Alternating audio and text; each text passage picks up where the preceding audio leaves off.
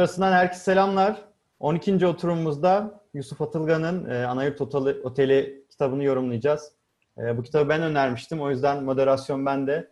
E, kitabı önerme sebebim e, şeyden başladı aslında. E, bizim Doruk Ateş'i e, konu kaldığımız oturumda bize bir şey eleştirisi getirmişti. Yani Türk yazarlar okumuyorsunuz diye.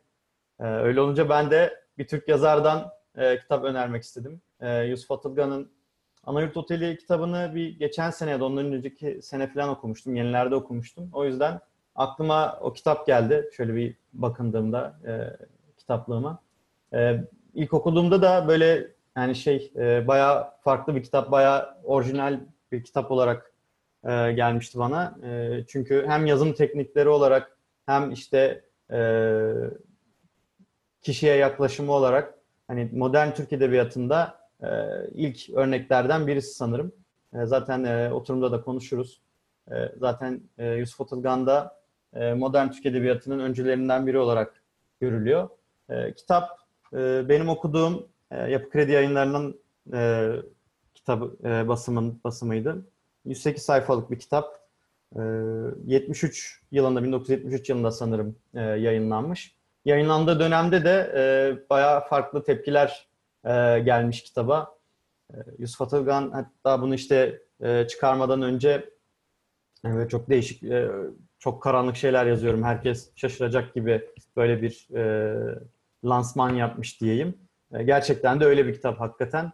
Yazıldığı dönemi düşünürsek de e, Türkiye için herhalde zamanın ilerisinde bir kitap olarak değerlendirebiliriz. E, hem içerik olarak e, oldukça cinsellik e, ve kim yerlerde şiddet yoğunluklu bir e, kitap. Özellikle cinsellik çok her alanında var.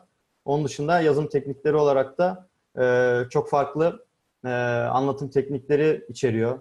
İşte bazı yerlerde üçüncü şahıs olarak anlatıyor bizim ana karakterimizi. Bazı yerlerde onun düşüncelerini anlatıyor. Bazı yerlerde onun düşüncelerinin içindeyken işte annesinin anlattığı hikayelere giriyor. Oradan oraya, oradan oraya atlaya atlaya böyle çok katmanlı bir yapısı var aslında kitabın. E, bu yüzden de e, 108 sayfalık bir kitaba e, bayağı bir e, konsept sığdırmış bence yazar. Bu yüzden de e, biraz internette eleştirileri, yorumlara baktığımda herkes farklı bir yerinden hani tutup oradan değerlendirip e, kitabı hani bir e, kendince bir e, yönden okuyup e, kitap işte şun, şunları anlatıyor, şöyle bir bakış açısı var diye e, eleştirilere denk geldim. O yüzden hani kapsamlı bir incelemeyi de hak eden bir kitap. E, zira bununla ilgili bir e, Murat Belge'nin de bir inceleme kitabı varmış yayınladı. Onu da gördüm. İstanbul Bilgi Üniversitesi'nde ders olarak da okutmuş bunu sanırım. Zebercet'ten Cumhuriyet'e Anayurt Oteli diye.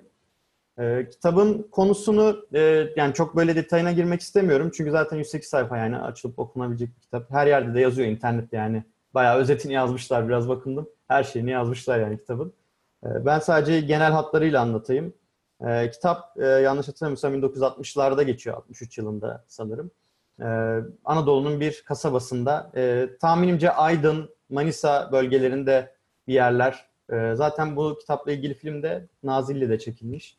Yani o civarlarda bir yerler. Hatta ben okuduğumda şey diye düşünmüştüm ilk okuduğumda. Ya burası şeye çok benziyor. İşte eşimin memleketi Manisa Salihli. Kesin oralarda bir yerlerde bu otel diye düşünmüştüm. Çünkü işte Ankara treniyle gelen bir kadın var. Karakter, ana karakterlerden birisi.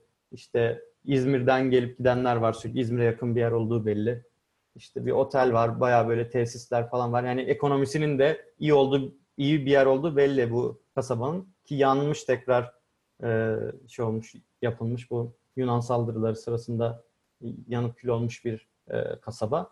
Hani belli ki burada hani bir zenginlik var, bir tarım zenginliğinin de olduğu bir yer. Hani tahminimce Manisa ya da işte Aydın'ın ilçelerinden bir yerler e, düşünerek yazmış. Zaten e, yazar da Manisalı, Manisa doğumlu e, Yusuf Atılgan. Hatta tarımla da ilgilenmiş bir ara işte İstanbul'da eğitim gördükten sonra geri dönmüş.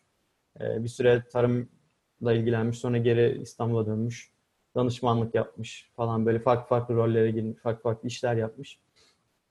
E, bu açıdan yani e, orada bir otelin işletmesini de görüyorsun mesela Anayurt Oteli'nin e, işleten Zebercet diye bir ana karakterimiz var. Zaten her şey Zebercet'in üzerinde. E, ismi böyle kulağa da bir komik geliyor. Yani e, orijinal bir seçim. Zebercet'in de ne olduğunu biraz baktık arkadaşlarla girmeden önce oturuma. Bir taşmış. Yani nadir bulunan ama çok değerli olmayan bir taşmış herhalde.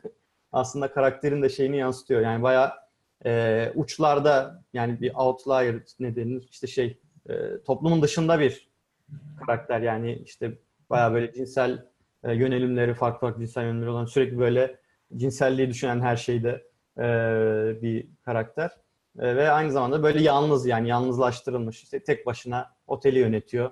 Bir tane de işte bir e, ortalıkçı kadın yani işte ortalığı toparlayan temizleyen kadın var. E, Zebercet'in işte bu ortalıkçı kadınla olan ilişkileri, onunla e, yaşadıkları işte bu Ankara'dan gelen kadının geri gelme işi onun üzerine böyle bir e, Zebercet'in ruhsal dünyasının sallanması ve bir anda böyle işlerin e, garip bir olay dizisiyle işte şiddet içeriğinin artması, cinselliğin artması yönünde bir gidişat var. Yani bir yerden sonra Zebercet zaten böyle iyice şey oluyor yani yoldan çıkıyor, işim işi bırakıyor böyle, düşüncelere dalıyor, yalnızlaşıyor falan. Yani çok fazla detay vermek istemiyorum ama işte şiddet, cinsellik bu tarz şeylerle bayağı şey oluyor, yoldan çıkıyor diyeyim. Genel hatlarıyla böyle. Dediğim gibi benim yani seçme sebebim hem Türk bir yazar olması hem işte modern edebiyatın, Türk, modern Türk edebiyatının ilk örneklerinden biri olması hem de bu yazım teknikleri. Ben bunu ilk kez Oğuz Atay'da hani bu tarz yazım tekniklerini görmüştüm. İşte bu e, noktalama işareti olmadan yazılan bölümler, işte parantez içinde köşeli parantez, onun içinde başka bir şey falan, diyaloglar böyle akıyor sürekli. Hani bu e, bilinç akışı dediğimiz şeye bazen yaklaşan, e, tekniğe yaklaşan yerler var. E, onlar çok ilgimi çekmişti. Aynı zamanda da böyle içerik olarak da e, bayağı iddialı bir içerik olduğu için de e, ilgimi çekmişti. O yüzden önermiştim. E, ilk sözü Eren'e vermek istiyorum. Eren içimizdeki edebiyat en yakın, en haşır neşir e, kişi olarak. İrlandalı. İçimizdeki aynen içimizdeki yazar kişilik olarak e, aynı zamanda Eren diğer kitabını da okumuş Yusuf Atılgan'ın Aylak Adamı ve filmini de izledi. E, o yüzden filmi daha yeni izledin hatta Eren. O yüzden evet. hani bilgilerin de taze. E, senden başlayalım bir e, genel izlenimlerini.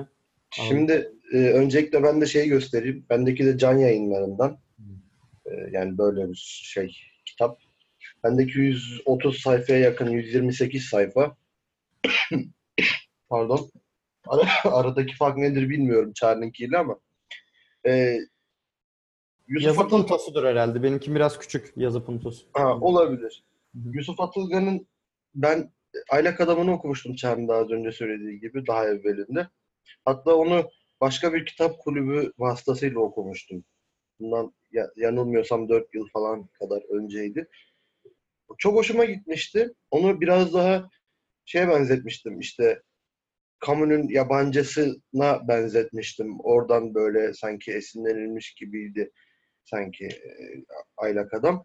Fakat çok orijinal ve çok güzel bir kitaptı. Ama Anayurt Oteli bence yani Türkiye sınırları içinde yazılmış en güzel edebi metinlerden biridir diye düşünüyorum. En iyi, en başarılı. Zaten yanılmıyorsam İngilizce'de, İngilizce'de çevrilmiş galiba. Ya da başka dillere de çevrilmiş. E, basılmış. Uluslararası hani Beynelmilel dediğimiz bir kitap. Sonra 87 yılında e, Ömer Kavur'un yönetmenliğini yaptığı aynı isimdeki filmin de e, birebir konusu halinde. Film de çok başarılı. Onu da herkese tavsiye ediyorum. Zaten filmi internette bulmak mümkün arayanlar rahatlıkla bulabilir. Zaten şeyde telif sorunu olduğunda zannetmiyorum. Baya bir zaman aşımına uğramış olması lazım çünkü ya da, ya da onu takip ediyorlar mı bilemiyorum. Kitap hakkındaki genel düşüncelerime, fikirlerime gelince Anayurt Oteli ben şuna katılmıyorum. Öncelikle şunu söyleyeyim. İnternette yorumlara falan bakarsanız psikanalize girenler olmuş. İşte Edip kompleksine, Oedipus kompleksine girenler olmuş. İşte annesiyle cinsel bilmem nesi var. Bence Yusuf Atılgan bu kitabı yazarken bundan hiçbirini düşünmüyor. Benim fikrim. Bence Yusuf Atılgan bu kitabı yazarken herkesin içinde olan, hepimizin içinde olan bu yalnızlaştığımız ve sahipsiz kaldığımız, ıssız kaldığımız vaziyetlerde dönüşebileceğimiz kişiyi, kişiliği anlatıyor.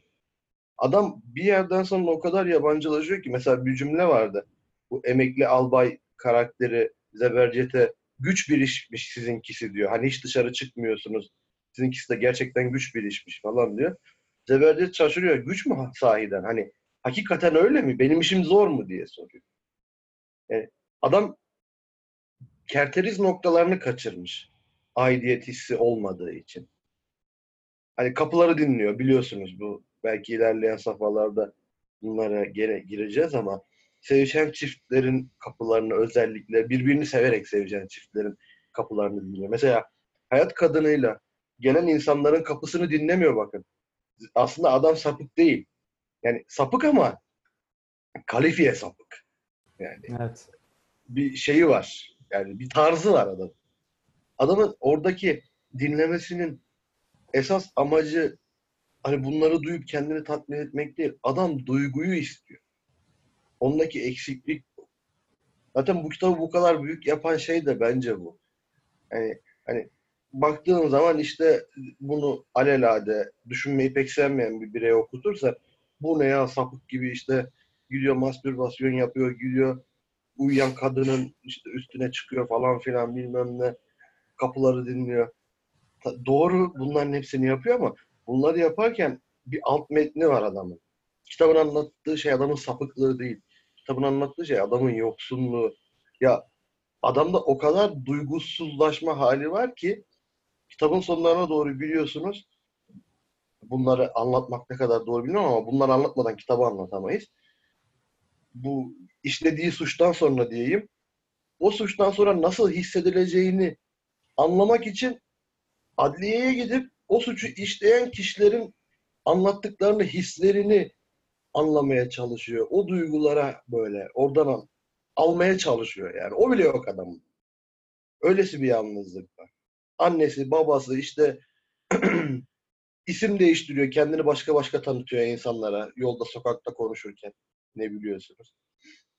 Benim genel fikrim hani yazım tekniği falan zaten çok iyi de kitabın kendisi adına genel fikrim Türk toplumunu, insanını hepimizin içindeki o küçük, yalnız ve adi otel işletmecisini çok güzel yansıttığını düşünüyorum. O, o otel işletmecisi var ya, o Zebercet aslında o yoğunlaşmış taş demiştik ya az önce ya da bir maden neyse artık hepimizin içinde sıkışmış bir şekilde duruyor ve eğer duygular üzerimizden arındırılırsa biz de zebercete dönüşüyoruz. Bakın bir de şunu söyleyeyim. Adam aslında çok kibar. Hani efendim diye hitap ediyor. Kimseye en ufak bir saygısızlık, kabalık yapmıyor. Önceki gelişinde parasını vermeyen bir müşteriyi bile kovmuyor otelde. Parayı peşin alırım sadece. Sizin bana bir gece borcunuz var diyor. Yani gibi.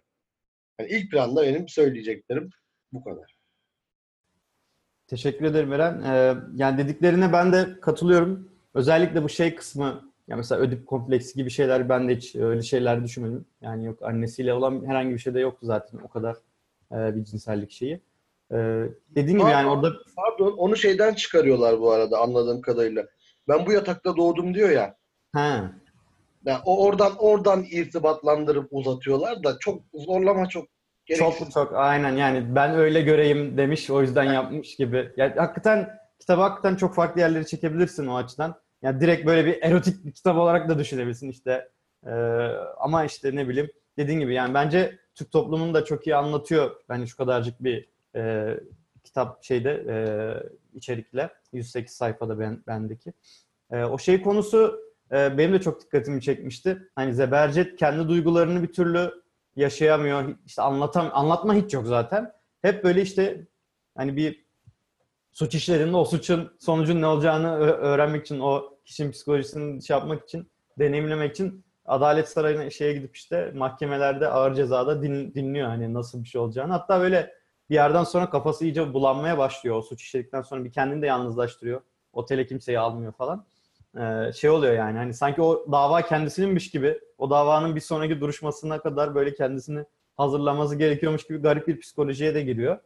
Ee, aynı şekilde işte bir mesela meyhaneye gidip orada yiyor içiyor falan ve bunlar hep bu şey o e, Ankara'dan gelip kalan kadın bir daha gelmedikten işte bir süre sonra bu olaylar olmaya başlayan o e, Zebercet o her zamanki rutinini bırakıp işte sabah 6'da kalkıp akşam 12'ye kadar gerçekten zor bir işi var hakikaten. Yani öyle e, fiziksel olarak belki o kadar değil ama iş dışında hiçbir şey yapamıyor yani. Ayda bir berbere gidiyor falan. Yani hakikaten e, şey olarak iyi, karnı doyuyor hani. E, sağlığı, sıhhati yerinde belki ama hiçbir şey yani yapamıyor ve sosyalleşmeye falan imkanı yok. Yani o yüzden işte e, geceleri gidip şeye dadanıyor yani o ortalık çıkadına falan gibi bir durumu da var. Hani acayip yalnız bir adam aslında. Ama bir yandan da işte kibar, e, duygularına yansıtmayan falan içine atan belki işte e, o yüzden de oteldeki ziyaretçilerin duygularını böyle sürekli şey yapmaya çalışıyor. E, anlamaya, onları sürekli böyle dinliyor falan kapı deliklerinden ne yapıyorlar diye görmeye çalışıyor. İşte ne bileyim e, meyhaneye gidiyor, meyhanedeki insanların e, konuşmalarına kulak oluyor. İşte orada mesela iki kişi otururken şeyden bahsediyor. Yani insan da bir dostluğa ihtiyaç duyuyor. Yani yalnızlık zor. İşte falan atıyorum iki kişi askerlik anılarından bahsediyor falan. Orada onu da onları dinliyor. Kendi askerlik anıları aklına geliyor falan. Ee, yani hakikaten e, yalnızlaştırılmış bireyin hani böyle e, çok farklı yerlere savrulabileceğini bence güzel özetleyen bir e, kitap olmuş bir yandan. E, mesela sanırım o dönemler biraz daha e, Türk Edebiyatı'nda şey akımı var. Böyle toplumcu gerçekçilik falan hani böyle daha hmm, tepeden bakma mı diyeyim yani daha böyle e, bireyi çok o kadar odağa almadan biraz daha e, kitlelerin e, işte yönetimin yaptığı yanlış kararlar dolayısıyla böyle oldu, şöyle oldu, patronlar şöyle kötüdür bilmem nedir falan filan gibi e, bir anlatı var. Ama burada direkt aslında ta o ilk doğduğumuz günden itibaren biz nasıl yetiştirildiğimiz, e, işte annemizin bize yaklaşımı, babamızın, eşimizin, dostumuzun, büyürkenki çocukluk arkadaşlarımızın. Ya burada mesela Zebercet'in e, çocukluk anılarından çok fazla yere edinmesi o açıdan önemli yani. Bu hakikaten oradan başlıyor yani hani günümüzde de hani sürekli denk geliyoruz. E, işte tecavüzcüler, e, anlamsız şekilde şiddet uygulayan insanlar. Yani bunları e, bazen şey oluyor. Yönetime hep şey yapılıyor. e, sorumluluk çıkarılıyor ama aslında sorumluluk hepimizde yani hani bu iş aileden başlıyor. Bu iş sokaktan başlıyor. E, biz de aileyi sokağa da oluşturan bizleriz yani sonuçta. Hani orada e, işi bireye de getirmiş olması bence değerli. E, bu bakış açısını getirmiş olması. E, yani hala oraya gelmiş değiliz Türkiye olarak ama edebiyatta en azından hani böyle bir e, modernleşmenin e, o zamanlardan bu zamana e, devam eden bir süreci var. Dilşat e, seni biraz dinleyelim. Sen şimdi edebiyat tabii gene böyle e, yorumlarda işte Telegram grubunda falan yazışken Dilşat böyle kitaptan çok memnun olmadığını belirten yorumlar yapmıştı. E, sen ne düşünüyorsun? Şimdi biz bu kadar övdük kitabı. Bir de seni dinleyelim. Vallahi eee, yani çok sevdiğimi söyleyemem. Sevmedim. Eee Zebercet yani şöyle söyleyeyim şimdi haksızlık olmasın. Önce doğruyu e, Sezar'ın hakkını Sezar'a verelim. Ben edebiyattan çok anlayan bir adam değilim. Bunu defaten söyledim zaten. Ama yazım teknikleri, o katmanlı yazım, bilinç akışına yakınsayan yazım işte e, beni mesela çok etkiledi. Çok güzel o yazım tekniği. Hani çok kafa karıştırıcı. Evet takip edemez duruma geliyorsun. Hangi parantezin işte ha- hangi konuşmaya ait olduğunu veya hangi karaktere ait olduğunu bile takip edemez bir duruma gelebiliyorsun zaman zaman. Bu açıdan güzel yani. Hani böyle insanın düşüncesi hızında e, yazım e, tekniği var. Çok hoş bir şey. Daha önce de karşılaşmıştım bununla. Türk bir Türk'te karşılaşmak ama çok böyle insanı böyle bir şey yapıyor hakikaten.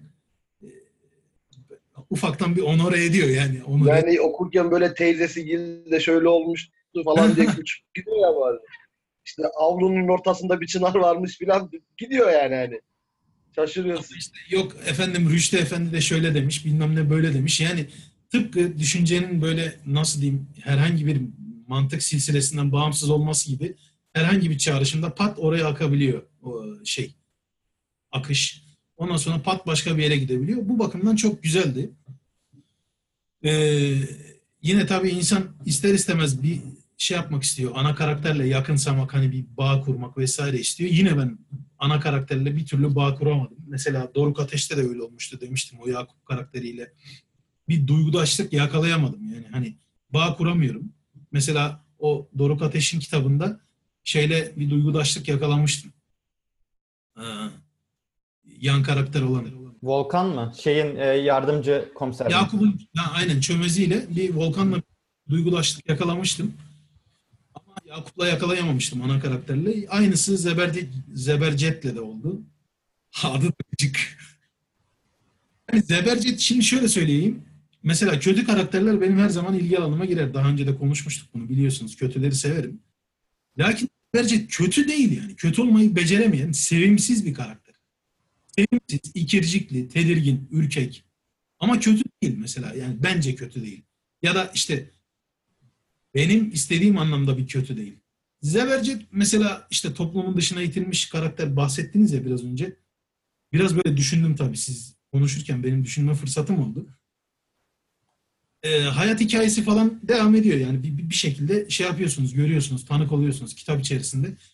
Ya Zebercet'i o ortalıkçı kadını öldürmeye itecek veyahut işte o sevgiyi kıskanmaya itecek travmatik falan bir durum da yok ki. Yani Zebercet öyle davranmaya itilecek hiçbir şey yaşamamış ki. Zebercet sıradan senin benim gibi işte e, bir hayat yaşamış. Ben mesela kitabı bitirir bitirmez size yazdım işte e, WhatsApp grubundan hani hayatımın 4 saatini yedi Zebercet diye. Bu sabah bitirdim ben kitabı bu arada. Bitiremedim yani okuyamıyorum. E, sıkıyor beni. Sonra düşündüm bir tek bir tek soru geldi aklıma. Zebercet karakterine e, tekrar fırsat verilse kendisini ya da hayatını değiştirmek gibi bir eğilimi söz konusu olur muydu diye. Sonra ben bunu kendi kendime şöyle cevapladım. Yok, Zebercet hayatını değiştirmezdi. Yani olduğundan başka biri olmak istemezdi bence tabii bu. Benim yorumum. O yüzden mesela bir türlü hem sevemedim zaten sevimsiz bir karakter hem yakınsayamadım hem de böyle nasıl diyeyim anlatım tekniklerinin dışında söylüyorum bunu. Yusuf Atılgan'ın anlatım tekniklerinin edebiyatta seçtiği konunun dışında yani seçtiği konunun dışında demeyeyim pardon o doğru olmaz. Konu ve Zebercet bana hiç çekici gelmedi. Hiç. Yani nasıl anlatsam bilemiyorum ama hiç ilgimi çekmedi. Sadece teknikler ve e, şey ilgimi çekti. Hani akış ilgimi çekti. O, o, o konudan çok hoşuma gitti. Ama diğer yandan Zebercet'le biz yüz defa, bin defa, on bin defa karşılaşırız. Zebercet ve türevleriyle, karakterlerle. Kötü olmak için ya da böyle davranmak için bir sebepleri de yok. Yani sıkışıp kalmış karakterler. Bence imkan verilse tekrar hani hayatı yeniden yaşamaya çalışsalar olduklarının dışında bir şey de olamazlar diye düşünüyorum. Ya da olmak istemezler mesela. Daha kötüsü yani. O yüzden sevmedim. Ee, teşekkür ederim Dişat. Ya bence şöyle bir durum var. Yani mesela dediğin gibi evet, ortalama bir Türk insanı gibi bir hayatı var diye düşünebiliriz. Ama çok büyük bir burada hani fark var. Acayip yalnız bir karakter Zebercet yani. Ee, o yüzden de zaten ya şöyle e, hepimizin böyle işte yalnız olduğu, yalnız zaman geçirdiği dönemler olmuştur. Ama bu nedir? İşte bir ay, belki bir yıl en fazla falan. Ama bu hayatı boyunca, 30 sene boyunca böyle yani 30 sene demesem bile işte bu yalnızlıktan son kurtulmaya 10 yıldır, 10 yıldır filan e, yalnız, bayağı yalnız. Babası öldükten sonra işte şey otel ona kalıyor yönetimi. E, 10 yıldır yalnız yaşayan bir adam yani hani orada çok büyük bir e, şey var bence hani o Ama yalnız. kibirli. Zebercet mesela insanlarla o yalnızlığı gidermeye çalışmıyor. Tek bir tek yalnızlıktan kurtulmaya çalıştığı e, adam akıllı kurtulmaya çalıştığı tek sahne yani benim gözümde kitapta mezarlıkta o kadınla konuşmaya çalışması. Onun dışında meyhanede içerken karşısına biri oturuyor. Kalkıp gitsin diye hani bir an önce benim bir yere gitmem lazım işim var diye. Nereye gidecek? Horoz dövüşüne. Yani, hani yalnız da bu yalnızlığı bitirmek için de çok fazla bir şey yapmıyor. Yani Ama ama horoz dövüşüne horoz dövüşü için gitmiyor. Bekir'i bulmak için gidiyor aslında. Bekir, mi- Ekrem. Ekrem Ekrem pardon Bekir Ekrem'i bulmak için gidiyor. İşte Ekrem de hani hasbelkader koluna sürtünmüş. Onun işte cinsel temalar var. Onu bulmasının altında böyle bir e, cinsellik belki biseksüellik işte yani. Hani o durum yatıyor. E, buna niye açık mesela? Bu biraz şey e, kitap için şey bir konu. Yazıldığı dönem içinde. Biraz bıçak sırtı bir konu. Biseksüellik vesaire. Çünkü kendi oteline gelen insanların, o yaşlı insanların genç tabiri caizse oğlanlarla beraber geldiğini görüyor. Yani biseksüelliği, o durumu kanıksamış. normalde standart kasaba insanı için bu çok şey bir durum. Ee, uçlarda bir durum. Ama Zebercet otelci olması hasebiyle işte otele e, yanında genç olanlarla gelen yaşlı amcaları görerek durum Babalar. Sözde babalar diyor ya değil mi? babalar, amcaları işte her neyse durum biraz kanıksamış. Ee, onu mesela çok yani Zebercet bizim düşündüğümüz açıdan hiç düşünmüyor. Zebercet'in bizim gibi şeyleri yok. Ahlaki herhangi normları yok yani. Zebercet'in hiçbir ahlaki normu bile olmayabilir. Evet, yaşadığı, büyüdüğü ortamdan dolayı aslında yani şöyle o otel önceden konakmış. Orada da yaşanan bir sürü böyle entrikalar işte. E, tabii lezbiyen ilişki var, bilmem ne var. Evet evet yani hakikaten çok e, enteresan bir hikayesi var. O konağın ve sonradan otele dönmüş otelin. E, o yüzden e, yani şöyle bir Erin dediği gibi ben böyle biraz sıkıştırılmış hani hakikaten böyle e, ya bizim toplumumuzda işte tabu olan birçok konuyu böyle sıkıştırıp o otel üzerinden anlatmış e, bence yazar. Bu arada Eren sen bir söz istemiştin. Senin üzerinden Evet abi. devam edelim istersen. Şöyle aslında benim burada söylemek istediğim o kadar çok şey var ki. Bir ses mi geliyor? Benden mi geliyor? Yok yok şu an fena değil. Yok değil mi? Hı hı. Tamam.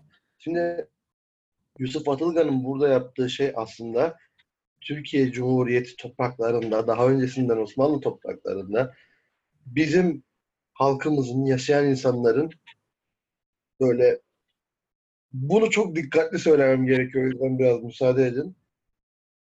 Ee, mütemadiyen yaptığı, yaptığımız hepimizin ikiyüzlülükten bahsediyor aslında.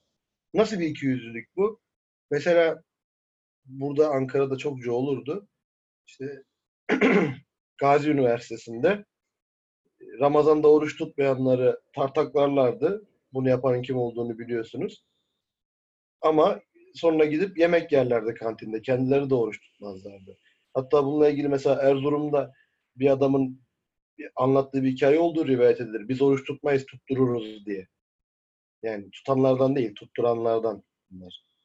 Bizim ahlak anlayışımız ahlaklı olmak üzerine değil, milleti ahlaka güç kullanarak zorlamak üzerine. Ama kendimiz bu ahlaktan muaf kalıyoruz. Zebercet de aslında öyle. Yani, Yani aslında bu şey e, kapalı kapılar ardında tamam ama toplumun önünde yapamazsın gibi bir sadece şey. kapalı kapılar ardında da değil. Yani adam ya bizde şey var abi biliyorsun hani bir yanlışı ben yaparsam o yanlış değildir.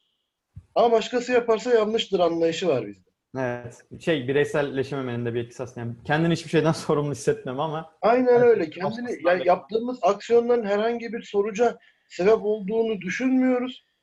Düşünsek bile bana ne falan modunda yaklaşıyoruz. Türk insan olarak. Adam bunu anlatmış kitap boyunca evet. aslında. Yani mesela Zebercet, hani Dişat dedin ya sen Zebercet'te no- norm yok diye.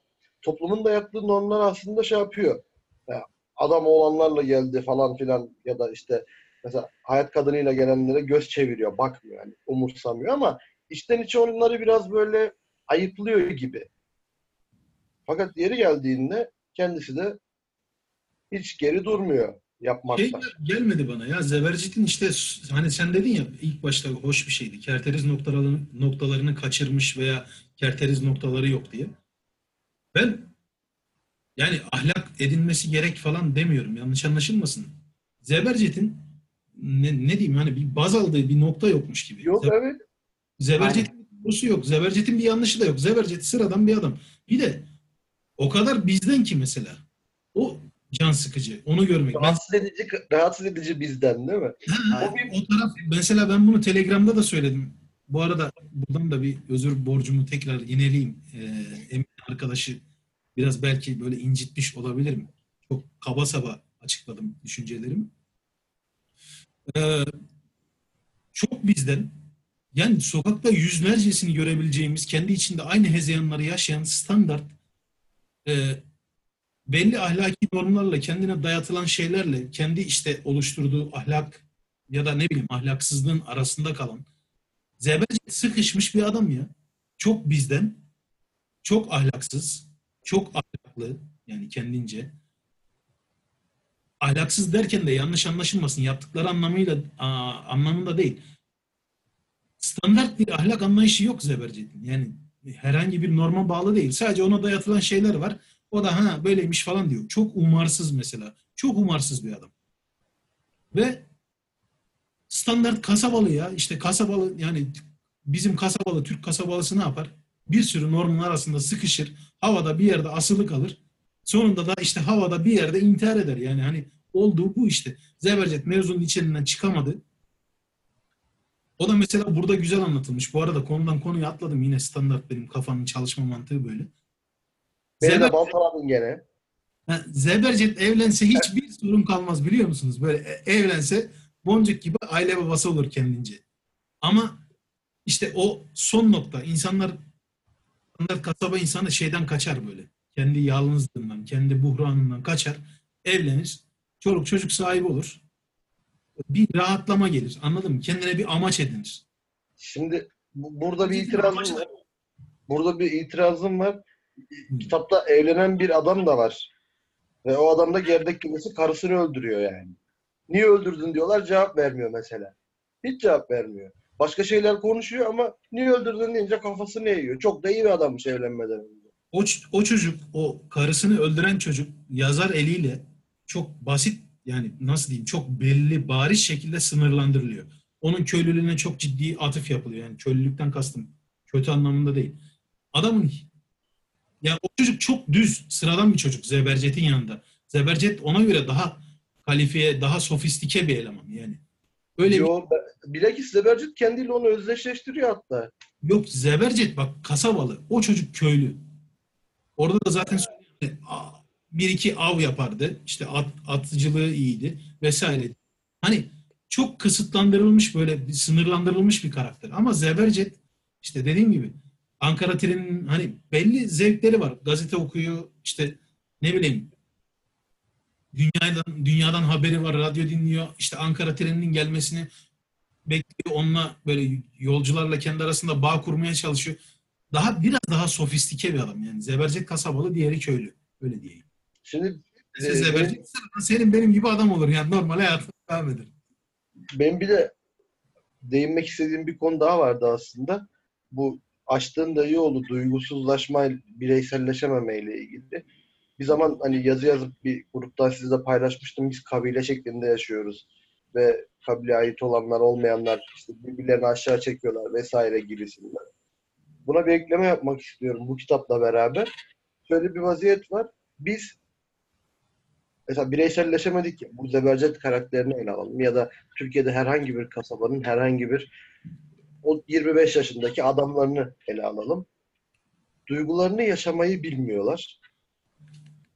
Bir amaçları yok, bir hayatları yok aslında baktığın zaman.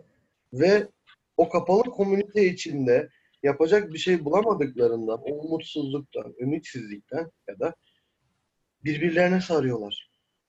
Bak ne kadar kötü. Yani evlenseler de mesela duydun mu onun kocası şunu yapmış. Bu işte Mehmet amca arabayı çarpmış. Bilmem ne olmuş. Dedikodular alıp başını yürüyor. İşsizlikten ve duygusuzluktan başkalarının toplum bir iterasyon gibi birbirinin sırtından beslenen sürükler haline gelmiş durumda. Tabii işte iterasyon var. Yani Türk halkı sürekli olarak birbirinden faydalanıyor duygu bazında. Faydalanmak dediğim iyi bir fayda değil. Asalak bir yapı gibi, bir parazit gibi başkalarının yaşadığı dramalardan ya da başkalarının yaşadığı mutluluklardan nemalanmaya çalışıyoruz. Ve bu o kadar artık korkunç bir seviyeye gelmiş ki Yusuf Atılgan'ın anlattığı dönemde o kadar korkunç seviyeye gelmiş ki adam bu kitabı yazmak zorunda kalmış. Şimdi bilginin daha ciddi, daha hızlı yayılmasıyla beraber daha fena hallere geldi. Gazetelerden görüyoruz, işte haberlerden görüyoruz, tecavüzler, tacizler bilmem ne. Sürekli olarak insanların birbirlerine yaptığı kötülükler. Ya bunu durdurmak mümkün mü? Bunu nasıl hani elimine edebiliriz? Benim açıkçası hiçbir fikrim yok. Sadece belki bireyselleşmeyle mümkün olabilir bu. Bireyselleşme dediğim de şu, demokrasinin tanımı vardır ya işte ya da insan haklarının hepimize çocukluğumuzda öğretirler. Bizim özgürlüklerimiz başkalarının özgürlüklerinin başladığı noktalarda biter. Çocuklara bunu anlatmamak gerekiyor aslında bence. Bu şekilde değil. Şöyle anlatmak gerekiyor bunu.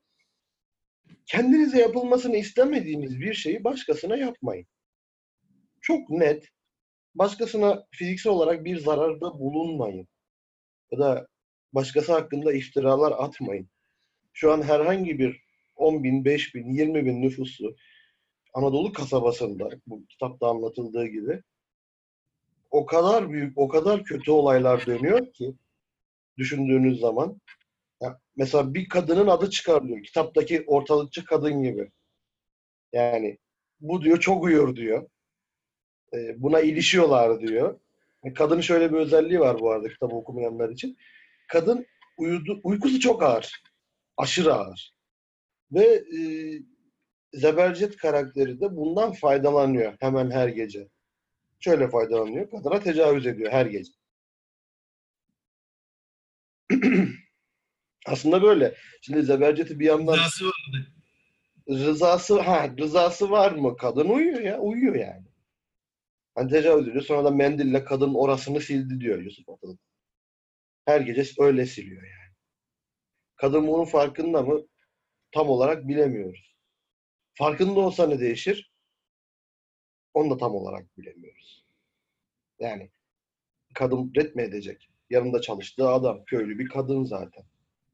Sonra e, yine Bir az şey önce... Aklıma bir şey geldi. Evet abi. karakteri yani o içeride oturan e, sürekli oturan aynı yerde gazete okuyan emekli subay mı, emekli albay mı? O karakterin kendi kızını boğan bir adam olduğunu öğrendikten sonra mı öldürüyordu kadını? Öğrenmedi. Evet. Öğrendikten Yok. sonra Öğrendikten sonra galiba evet. Hayır Tam hayır. Hayır Nasıl? hayır. Öğrenmeden önce Ha, Öğrenmeden önce doğru tamam evet. Sonradan geliyor polis falan. sonra polis diyor sonra adama diyor ki hatta Evet. sen de mi kaçtın? Bundan kaçılabiliyor mu ki falan diyor yani. Evet evet doğru. Sonrasında. evet. Sonradan geliyordu polisler ya doğru. Öyle Evet, bir zaten o polisten de çekiniyor işte filan hatta biraz böyle el ayağına dolaşıyor şey filan. bakıyorlar. Kendisi Bu arada- de işlediği için. Yusuf Atılgan'ın okurken başarılarından biri de aklıma şey geldi. O ortalıkçı kadını tıpkı bizim yapacağımız gibi yani bizim toplumda yapılacağı gibi nasıl da değersizleştirmiş, nasıl değersiz bir hale getirmiş. Kadının öldürülmesi sizi hiç rahatsız etti mi? Zebercet tarafından öldürülmesi. Hiçbir rahatsızlık duydunuz mu? Ya da bir azıcık da olsun önem atfettiniz mi kadının öldürülmesine? Doğru söylüyorsun. Varlığı yokluğu bir bir kadın aslında yani. Sen önem atfettin hiç çağrı. Yani senin için kadının öldürülmesi. Yani Zebercet'in atıyorum bir sürü kötülüğü olsa 15 tane kötülüğü var. 15 birim diyelim. Kadını öldürdü diye sen o bir, o 15 birimi bilerek ve isteyerek yani isteyerek 16 birime çıkarır mısın? Yani şöyle e, aynen ya kadın zaten hep çok silik bir karakter ki zaten sahneden silineceği belli olduktan sonra hani Niye, Zebercet niye silik mesela? Kadın kötü değil. Kadın işini yapıyor. Hatta bir sahne var şey bir e, diyor ki ha Zebercet otele e, müşteri kabul etmemeye başladıktan sonra Aa niye gelmiyorlar falan diyor. Kadın Zebercet'e sürekli Aa diye hitap ediyor. Aa niye gelmiyorlar otele falan diyor. Zebercet tabii bu arada ka- otelin kapısına kapalıdır e, şeyi vurmuş. E, yazısı asmış. Sonrasında diyor gelirler birkaç gün sonra. Sonra Ze- Zebercet şeyi düşünüyor işte. Demek ki varlığına hani anlam katan şey iş. Ya biraz dinlen falan diyor kadına işte. Sen de dinlen biraz. Gelirler birkaç gün sonra. Kadın sıkılıyor. Ben köye gideyim bari. Benim buradaki amacım bitti dermiş gibi. Yani ya oteli toplarım, iş yapalım, ortalıkçı kadın olurum. Veya işim yoksa buradan çeker giderim. Kadın herhangi bir ahlaki kötülüğü yok. Kadın kötü değil, zararlı değil. Gayet işini yapan, düzgün biri. Ama ne oluyor? Yusuf Atılgan öyle bir beceriyle anlatıyor ki ki bu beceri mi yoksa yani kendi kendime onu düşünmüştüm. Yusuf Atılgan'ın becerisi mi yoksa bizim insanlara işte statüsüne göre değer atfetme olayımız mı bilmiyorum. Kadın çok değersizleştiriliyor. Ölümü beni ahlaken hiç rahatsız etmedi mesela. Bilmiyorum size etti mi? Etik olarak beni hiç rahatsız etmedi kadın. Bu iki yüzlülüğü kendime de atıyorum yani. Ben şu anda düşünüyorum da etmesi gerektiği kadar ben de etmemiş. Onu fark Hiç ediyorum. etmedi işte. Yani hani niye? Kadın statüsüyle alakalı bence. Bu bizim bakış açımızla. Yani bu Anadolu'nun mantığıyla alakalı biraz. Kasaba bakış açısıyla alakalı. Evet. Ya Bu o da arada- var ama bence kitabın anlatım tarzı da yani buna e, çok yönelik. Yani biz burada yani üçüncü şahıs olarak mesela hep şeyi anlatıyor, Zebercet'i anlatıyor ve hep Zebercet'in gözünden anlatıyor. Yani doğal olarak onun e, düşüncesinde, zihninde kadının işte ortalıkçı kadının konumu neyse o oluyor yani. Ama mesela Ankara treniyle gelen kadının nelerini anlatıyor böyle işte odaya giriyor. Peki onun onu öldürseydi biz böyle bu kadar ra- rahat yani bu kadar olmazdık evet. olur muyduk? Evet o Olmaz. zaman etkili daha çok etkilerdi aynen. Daha etkili olurdu. Peki bir şey daha soracağım bu konuyla ilgili. Bura kendi kendime düşünürken çok şey yapmıştı. Sizce kadının bir ya da iki tane korkulacak şekilde abisi olsaydı kadını öldürebilir miydi Zebercet? Ya da dayısı ölmeseydi. Dayısı ölmedi. Abisi olsaydı. Kadın biraz daha dişli bir yaratık olsaydı kad Zebercet onu öldürmeye cüret edebilir miydi? Yeltenmezdi muhtemelen tabii. Evet. Ya kimsesiz kadın zaten. İşin güzel tarafı o. Kadın hakkını savunacak kimse yok. yani bizim hani standart şeyimiz vardır ya toplumda. Bir kadın hakkını bir erkek korur. Mantığımız vardır ya işte sen dediğin gibi abisi, babası, tanıdığı neyse. Kadın kimsesiz. Zebercet hamsi beyinli idiotun teki aslında. Hiçbir vasfı, hiçbir özelliği yok. Sıradan kasaba adamı. Kötü, sevimsiz, ahlaksız yani herhangi bir ahlaki normu da yok zaten. Bir tek yerde bir tane kibar falan da değil. Zorunluluktan dolayı kibar Zebercet. İnsanlar ona zarar vermesinler diye. Çok ürkek bir yaratık. Zebercet böyle sürekli kuş ürkekliğinde gezen bir tip. Kestanecinin önünde duruyor. o ona çok iyi ya. Kestanecinin önünde duruyor. Aynı tam bir şey işte o yer altından notlardaki o generalle şeyin omuz atma olayı. Aynı aynı yazım tekniği, aynı kafa çok benziyor yani. İşte o generale omuz atsam mı bilmem ne. O sahneyi defalarca aklımdan tekrarlamak. Zebercet de aynı şekilde gideyim işte tırnak çakısını yok ensesine saplayayım, yok arkasından boynuna saplayayım. Aynı kafa, aynı silik karakter, aynı nasıl diyeyim rahatsız edici şey. Kötü bile değil.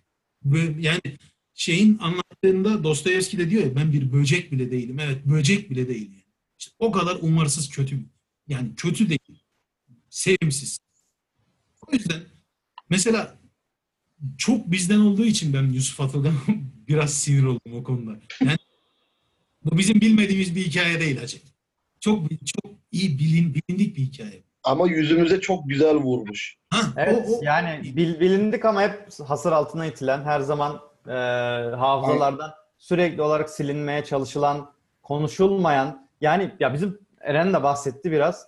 E, yani bizim toplumumuzda bu durum hakikaten e, şey boyutlarda e, silinmesi çok zor boyutlarda hakikaten temizlenmesi çok zor boyutlarda. Yani bu e, aile içinden akraba dost ilişkileri içinden başlayan böyle bir kendi ayıbını hep gizleme, başkasının ayıbını hep konuşma arkasından. Hani hep bu var.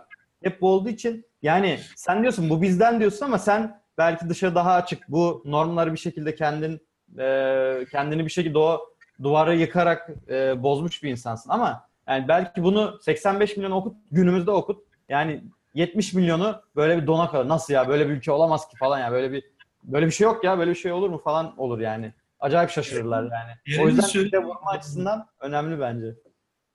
bir düşünceyi ne kadar tabulaştırırsan, ne kadar onun üzerine konuşmaktan kaçınırsan o düşünce ya da işte o davranış biçimini bir anlamda o kadar desteklemiş olursun ve büyür. İçinde bir yerlerde insan büyür. İnsan bunu büyütmeye meyilli oluyor.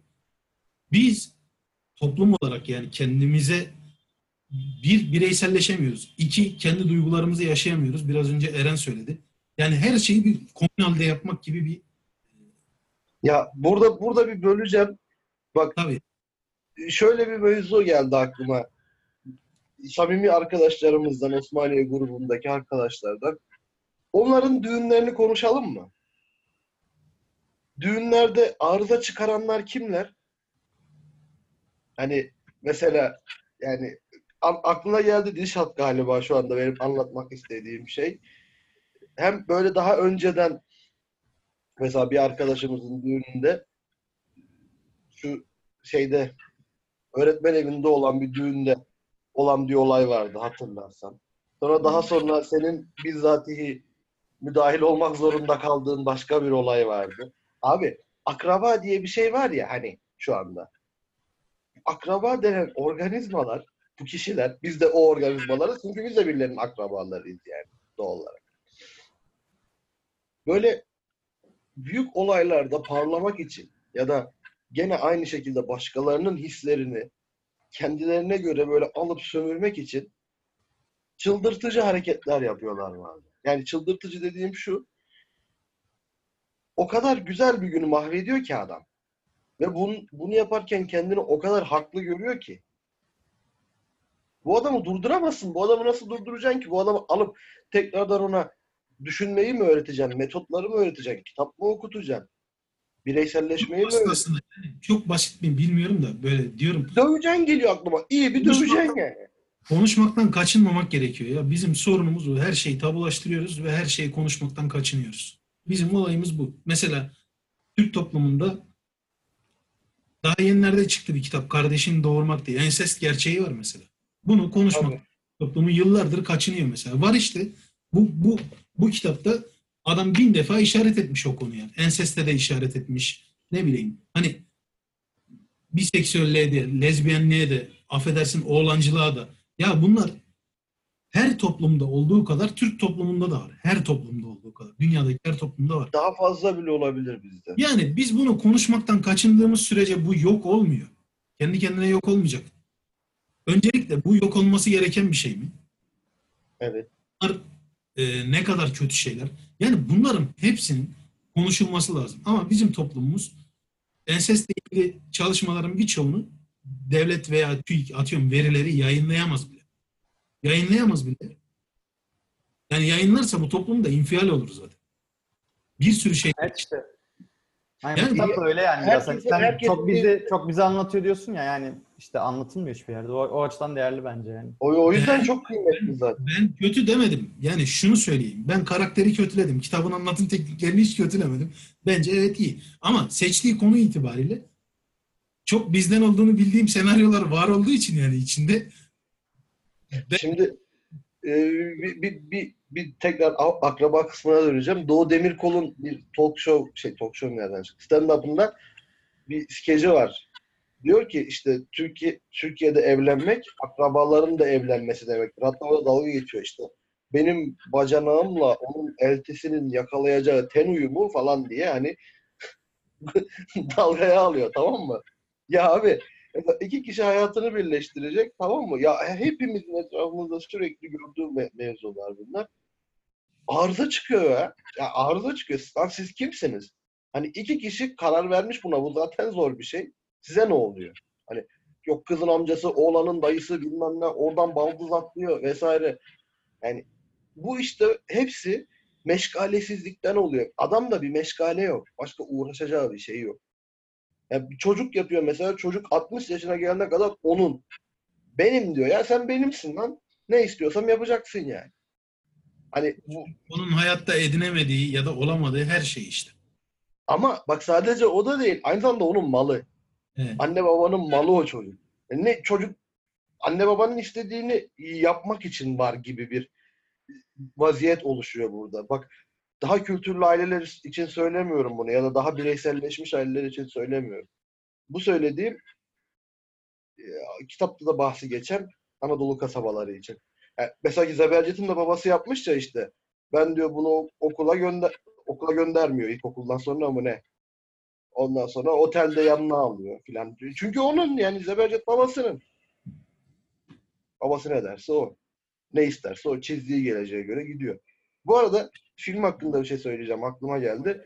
Or- ortalıkçı kadın karakterini Serra Yılmaz canlandırıyor. Hatta şu an size e, linki de attım. Bir bakarsanız. Yani o kadar güzel bulmuşlar ki ya kes hani kes diyorlar ya oyuncu seçimleri o kadar iyi ki. Yani mutlaka ben arkadaşlara Gerçekten çok çok uyumuş ya hakikaten. Yani tam aklı abi kadın tipi. Ya birebir aynı ya. Filmi herkese tavsiye ede- ederim. Gerçekten zaten e, yabancıların yaptıkları yorumlara bakarsak heh, Evet. Burada gördüğümüz gibi Serra Yılmaz. Abi bir de madem ekran paylaşıyorsun bir de Zebercet'i göstersene.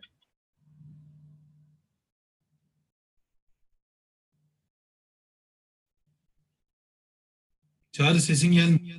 Ya pardon, pardon sesim kısılıymış. Ee, Zebercet karakterini mi göstereyim? Evet, Evet, abi. Filmdeki Zebercet'i. Aslında orada kenarda fotoğraflarda vardı ya. Şeyi, Var mıydı? O Ha evet. altta. Macit Bu değil mi? Koper. Evet. Evet. Bu da şey Ankara treniyle gelen kadın. Değil mi? Evet. Evet, aynen öyle. Ama yani Ben de merak ettim bayağı kitabı. şey filmi pardon.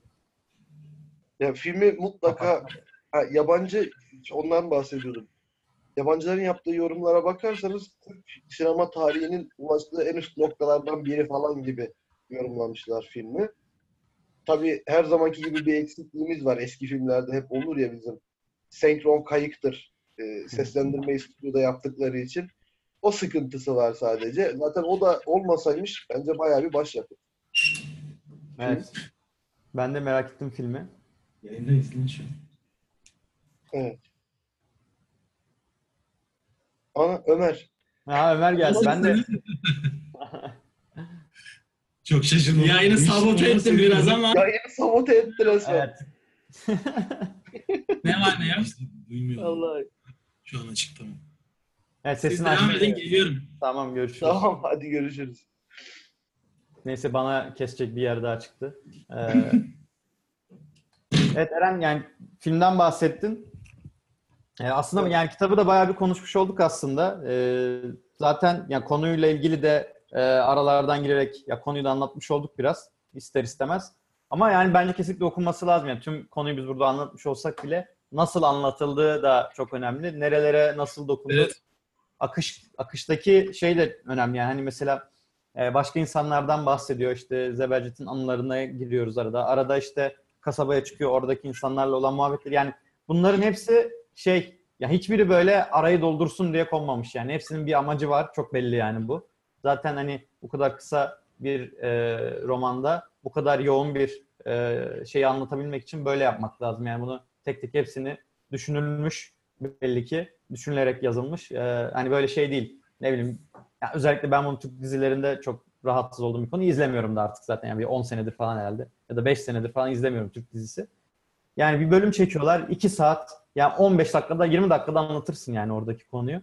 Araya doldurup doldurup duruyorlar. Bir sürü gereksiz şeyle, saçmalıkla. Ya bu kitapta hiçbir saçmalık yok yani o açıdan. Tertemiz okunabilir yani. Net. Ee, o yüzden de Nasıl sinirlenmiş yalnız. Evet ya orada hakikaten çok ya şöyle yani diyorsun ya yapacak işimiz yok boş boş Evet. takılıyoruz. Abi işte biz böyle şeylerle dolduruluyoruz ya saçmalıklarla dolduruluyoruz yani akşam ya ne bileyim git bir kitap oku bir şey yap sinemaya git ya da bir şeyler üret. Hani haşa ya üretirsen bilmiyorum yani çok şey bir şey kötü bir şey. Ba- Yalnız bayağı büyük bir şey söylediğinin farkındasın değil mi? Bir şey üret falan dedin. Bayağı çıtayı çok yükseğe koyuyor. Evet ya Evet. bir şey üretmek ya inanılmaz ya yani ya şey En ya azından tükettiğinin niteliğine dikkat et. Hani o biraz mantıklı. Senin söylediğin işte sinema, kitap. Ha, yani ha, tükettiğine dikkat et. Hani bir, bir üst seviye bir şey üretirsen yani bilmiyorum ya böyle bayağı üst seviye ba- bayağı değişik bir yerlere gidiyorsun yani hakikaten. Hani keşke yerler olsa yani.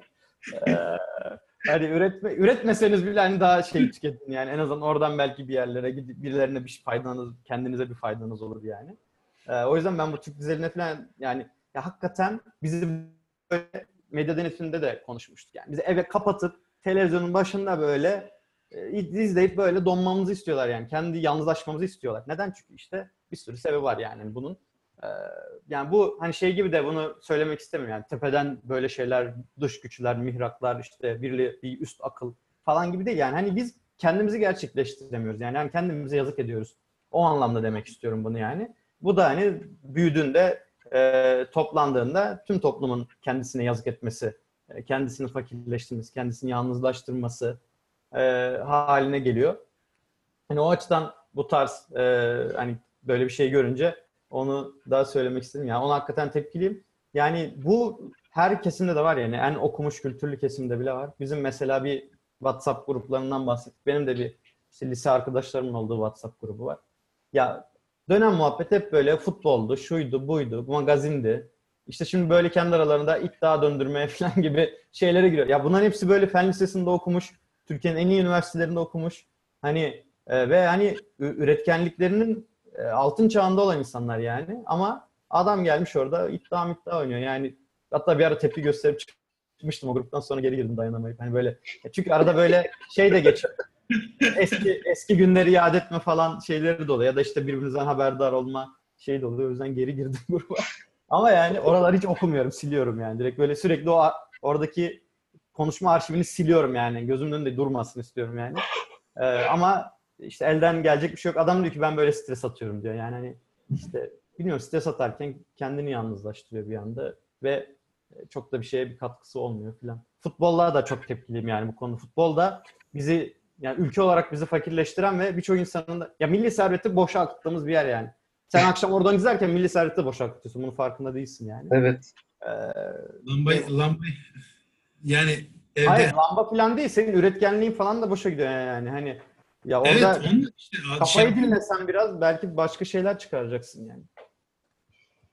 bu arada gün sonra geliyorsun işte kahve arasında, çay arasında 45 dakika lak lak yok o hakem bunu çaldı falan filan. Neyse ben çok şey oldum. bana, şu an bana tutulmuş gibi bir şey var ya. Böyle Onlara bu karşımda- kadar girmezdim normalde de ama tabii insanın provoke ediyor hakikaten. sanki sanki çağrıya böyle birazcık benden nüfuz etmişler gibi ayna tutulmuş gibi bana böyle.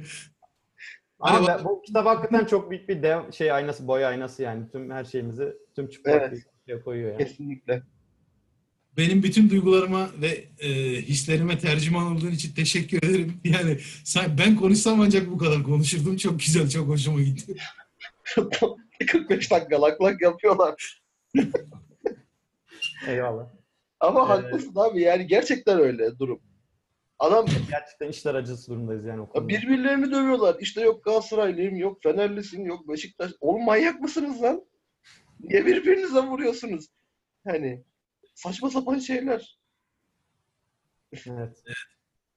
Evet. Ee, isterseniz arada- yavaştan toparlayayım. Ha sen Dişat. şey- Yok, ben de yavaştan bitirelim diyecektim. Ee, sadece kitaba hakim olan umarsızlığı böyle hatırladım. Onu söylemek istedim. Kitapta devlet görevlileri, memurlar, yaşayanlar dahil herkes ne kadar umarsız farkında mısınız? Hiç dikkat ettiniz mi bilmiyorum yani. Kitaba bir aylaklık ve umarsızlık hakim ya. Polis bile hani Zebercet otel işletmecisi olduğu için işte e, her hafta kayıtları bir gazeteci yoluyla gönderiyor e, polise veya kitabın sonlarına doğru kendisi götürmeye başlıyor. Bir sahnede işte yani bir e, şeyde e, polise diyor ki bunları daha önceden gazeteciyle gönderirdim artık ben getireceğim falan diyor. Polis he tamam falan diyor. Ama bir soruşturma için otele geliyorlar. Bu eski albay dediğimiz adam kendi kızını boğmuş. Onun soruşturması için otele geliniyor.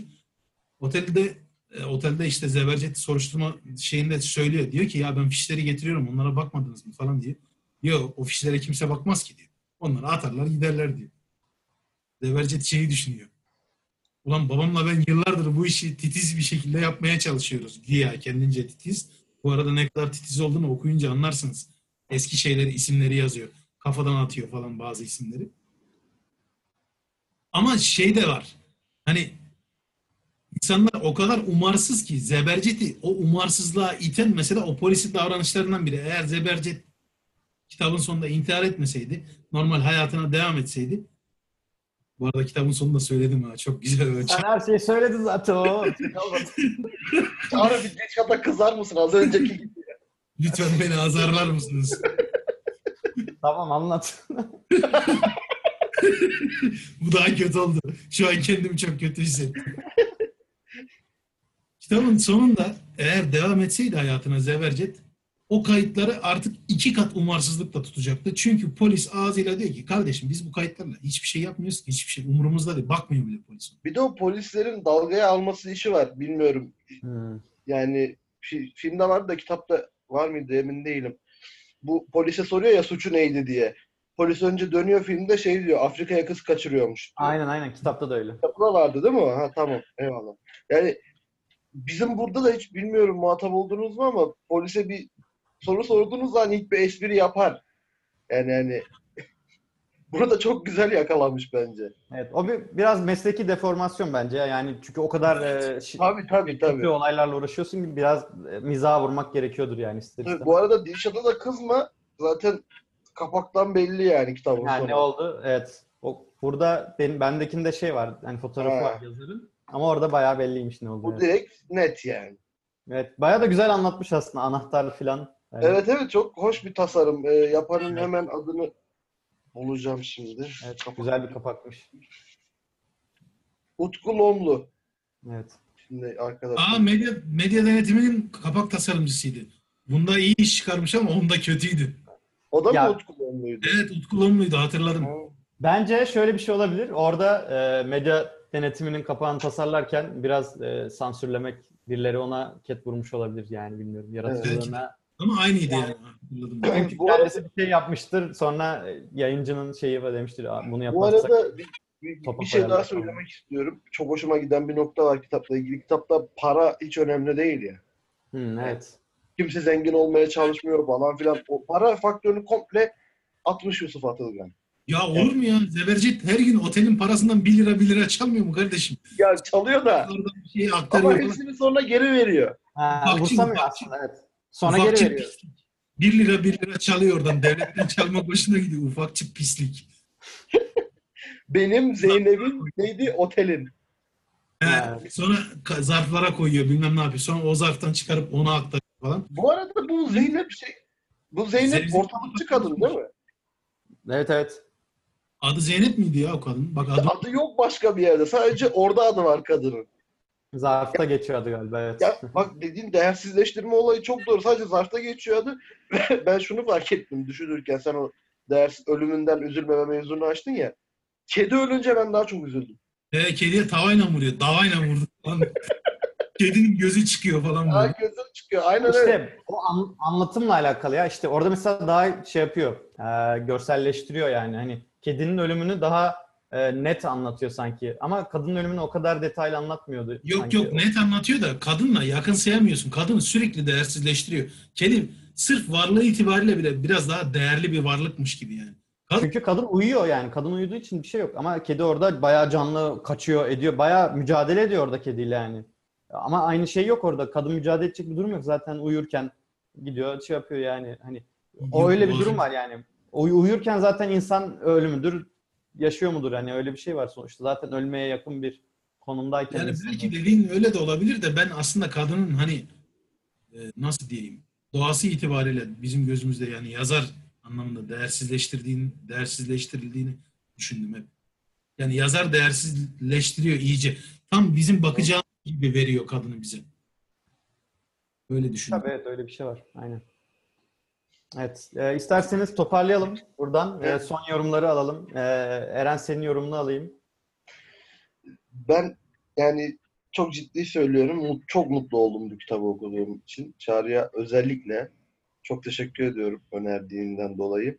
Yıllardır böyle lan şu gün okuyayım, bugün okuyayım, bu kitap meşhurmuş filan diye bir kenarda beklettiğim kitabı okuma fırsatı yakaladım. Çok başka bir kitap. Herkesin gerçekten böyle aa evet lan diyeceği yerleri pek çok kez bulabileceği bir kitap. Özellikle bir bölüm var. Şimdi aklıma geldi. Okurken kahkahalar attım. Bu kimsenin görmediğini düşündüğü zamanlarda burnunu karıştırması, öne doğru eğilip osurması, yellenmesi, kalçalarının arasını havalandırması filan. Yani şimdi herkesin e, bulacağı şey var derken bunları kastetmiyorum. Belki de kastediyorum bilemiyorum. Ama hani Türk yaşam tarzını 70'lerden 60'lardan bugüne kadar çok güzel özetlemiş. Detaylıca anlatmış. Bilinç akışlarını güzelce paketleyip önümüze sunmuş. Bu şey vardı bir de ondan da de- değinmeden geçemeyeceğim. Hani huzursuz bir uykuya yatarsınız ve kafanız da doludur. Çok saçma sapan rüyalar görürsünüz ya. Öyle bir sahne var mesela. O rüya sahnesi de muhteşem yazılmış bir Evet. sahne. Yani Evet. tam bu huzursuz uykuyu anlatıyor ya net olarak. Yarı kabus gibi filan. e, kitap çok güzel. Filmi de çok güzel. Yani ikisini de mutlaka tavsiye ederim. Filmi 1 saat 45 dakika civarı galiba. Böyle çok anam anam uzun bir film de değil. Karanlık bir film. Karanlık bir kitap. E, Yusuf Atılgan çok büyük bir yazarmış. Ben dediğim gibi Aylak Adam'ı okumuştum ama on- ondan da etkilenmiştim fakat bu kadar değildi. Şu kitap benim oturumlarımız boyunca 12. oldu değil mi bu? Evet. En çok en çok etkilendiğim kitaptır. Onu açık net söyleyeyim yani. Hani en çok beni vuran, etkileyen, e, böyle bir değişiklik, değişik düşünmeye iten kitaptır. O yüzden herkese mutlaka tavsiye ediyorum. Mutlaka'nın da altını çiziyorum. Teşekkürler Çağrı. Teşekkür ederim Eren. Ee, yani bu bu kadar etkilemesi sanırım şeyden yani bu işte bizi yüzümüze bu kadar net bir şekilde vurması yani Evet. bizim toplumumuzda yaşadığımız ya burada işte bir sürü şeyle benim de aklımdan geçenler işte sen mesela düğünlerden falan bahsettin akraba ilişkileri hepimizin Evet. hayatında olan ve yani böyle davranış örüntülerimize ilmek ilmek işlenmiş hakikaten kurtulması çok kolay olmayan ya birçoğumuza böyle hani zihinlerimize böyle kodlanmış kazınmış şeyler yani. Ya abi bi- bi- bu arada bir şey soracağım ya Çağrı. Senin düğününde bir oyun oynadılar ya. Hı. bir mizansen yaptılar ya. Abi onu niye yaptılar? Yani şimdi burada konuyu açmak doğru mu bilmiyorum ama. Yani çok Şey garip. mi diyorsun böyle bir yerde bir çocuk ölmüştü Çocuğu falan. yatırdılar ölü gibi. Ha, İşte öyle bir şeyler evet. Bir ölü ağıt gibi. Ben de ne olduğunu bilmiyordum ya. İlk kez gördüm o oyunu. Ee, şey babamın arkadaşlarından, akrabalarından birisi yaptı. işte akrabalar, Ben de çok anlamadım. Enteresan bir oyundu yani. Evet yani değişik şeyleri, dışa vurumları çok enteresan ya bizim e, o oyunlarda oluyor yani. Kültürel öğelerde var tabii dışa vurumları bazı şeyler. Ya öyle bir sapkınlık gibi bir şey değil de yani böyle bir Yok ağıt değil. gibi bir şey. Ne oldu ben de tam anlayamadım. Ama Ölen o- birisi var gibiydi falan ama dü- düğünde neden oynarsın bunu? Dilşat bilir onu galiba. Bebek mi onun adı? Öyle bir şey. Ya biliyorum da konuşmak istemiyorum. Çünkü çok sevdiğim bir şey değil. Lanet olsun. Biliyorum ama yani. Anlatır mısın bize? Aydınlatır mısın gerçekten?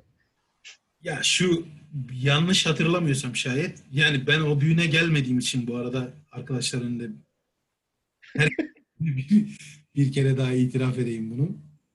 Ee, bu ayrı bir konu olsun. Neyse. Ee, sanırım şu işte kervanlarla, develerle göçülen yani bizim toplumun göçebe zamanlarında uzun yıllar çocuğu olmayan bir kadının çocuğu olduktan sonra işte e, o çocuğa böyle gözü gibi bakıyor. Sanırım Beynoğlu işte. Kadın da böyle bilirsiniz Türk toplumunda kadının yeri e, yeterince döl vermesiyle e, ilintilidir böyle. Eğer direkt böyle bu konudan direkt böyle daldığım için kusura bakmayın.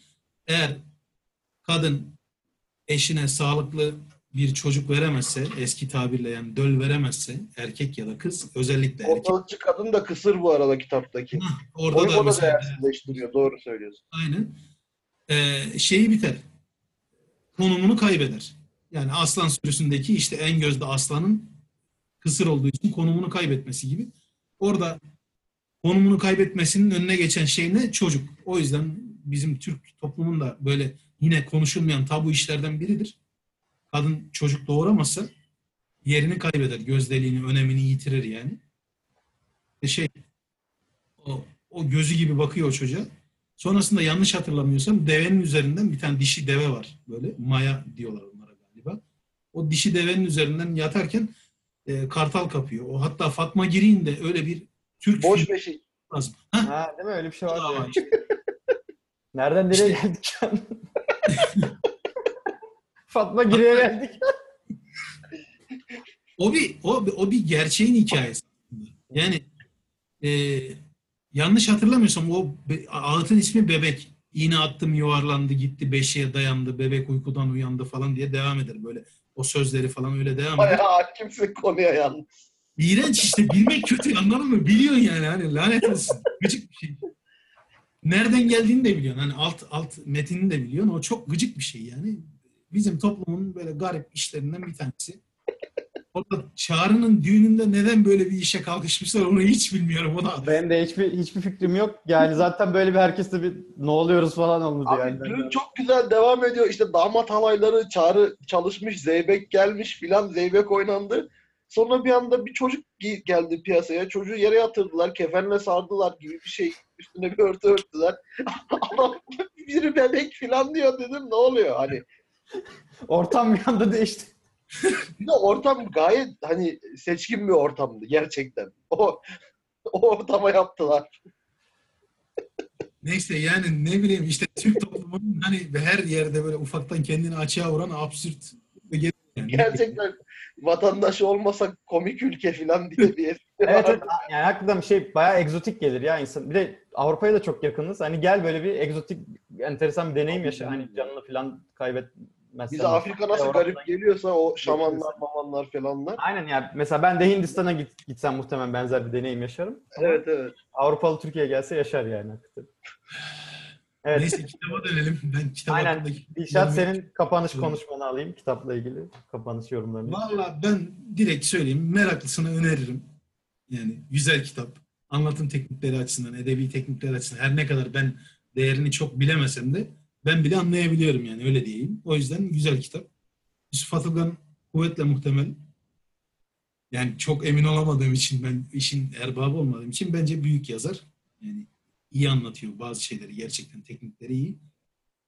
Benim ilgimi çekmez. Ben hani bin yıl kalsam dönüp bakmam. Çünkü etrafımızda bir sürü böyle örneğini görebileceğim adam var. Ben zaten içinde yaşadığım toplumda bu tip durumların, bu tip adamların var olmasından da rahatsızım. Yani bana ciddi şey veriyor. Bunu yaşamak acı veriyor, rahatsızlık veriyorken bir de bunun detaylandırılıp hiç farkında olmadığım yanlarının bile böyle e, çok berrak bir şekilde önüme konulması beni inanılmaz rahatsız etti. Ben sevmem ama alana mani olmam. Alana öneririm. Meraklı. Umarım okuyacak arkadaşlar keyif alırlar. Ee, Çağrı'ya yine teşekkür ediyorum. Türk e, edebiyatının hani güzide örneklerinden birisi bu. Her ne kadar ben hoşlanmasam da çok belli güzide bir örnek yani. O yüzden değişik bir tat oldu benim için.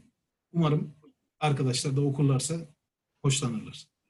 Teşekkür ederim Dilşat. Ee, zaten bundan sonraki oturumda senin önerdiğin kitaplardan birini okuyacağız. Tekrardan edebiyat dışı hani böyle e, güncel konulara yönelik işte ekonomidir. sonraki sıra bende değil mi? Dilşat'ta mı? Ney? Yok. Bundan sonra Dilşat'ta Prens, Bundan ha, prens bir sonraki mi? yok. Prens'ten sonra. Prens, Ha doğru pardon ya. Pardon Prens- çok pardon. Eren'in, Evet. Eren'den sonra ben geliyorum. Ha, ben de Evet dedim. çok pardon evet. Ben karıştırdım. Ee, evet Bir doğru. de Anayurt Oteli hakkında ufak bir bilgi daha. 2008 yılına kadar 100 temel eserden biriymiş Milli Eğitim Bakanlığı'nın. Hı. 2008'de çıkarılmış. Evet yani cinsel içeriklerinden dolayı. İşte yani o yanlış değerlendirme. Yani aslında Muzur Neşriyat adı altında evet. yani Bu arada e, ben- son ya bir şey söyleyeceğim. Kitapta en çok hoşuma giden yerdi. Anayurt Oteli'nin isim seçimiyle ilgili. Anayurt Oteli Ege'de bir kasabada işte ben Aydın olduğunu düşündüm. Çünkü pamuk taşımacılığı, tekel, tütün, pamuk vesaire orada Aydın'da tren müzesi de var. Şey çok yaygın. Hani tren kültürü çok bariz yaygın. Aydın olabilir aynen. Ben Aydın ol- olacağını düşündüm. Ee, Yunanlılar giderken işte yakıyorlar. Savaş döneminde yakılıyor falan. Orada çok güzel bir tanımlama var. Anayurt Oteli'nin neden Anayurt Oteli konulduğu isminin. Şey diyor işte. Kurtuluş Savaşı'nda yeterli yararlılığı gösteremediğini düşün. Aslında yani hani düşmandan kaçan sonra da yeni cumhuriyete, yeni kurulan cumhuriyete yaranmak isteyen kafaların ürünü diyor yani böyle. Hani bir nevi günah çıkartma. Böyle biz de yapamadık bazı şeyleri ama işte artık otelin adını böyle koyalım da yeni cumhuriyete böyle bir şeyimiz olsun, katkımız olsun, jestimiz olsun. Çok sevdim yani ben bu o fikri. Niye sevdim? Yazar Egeli kendisi. Bir Egeli olarak atıyorum böylesi hani herkes böyle kahramanlığı anlatmayı övünür vesaire sever ya. Ama işin bu tarafında hiç görmezden gelmediği hani böyle net bir şekilde açık bir şekilde ortaya koyabildiği için benim çok takdirimi topladı. Bu bağlamda hani çok hoşuma gitmişti. Orayı paylaşmak istedim.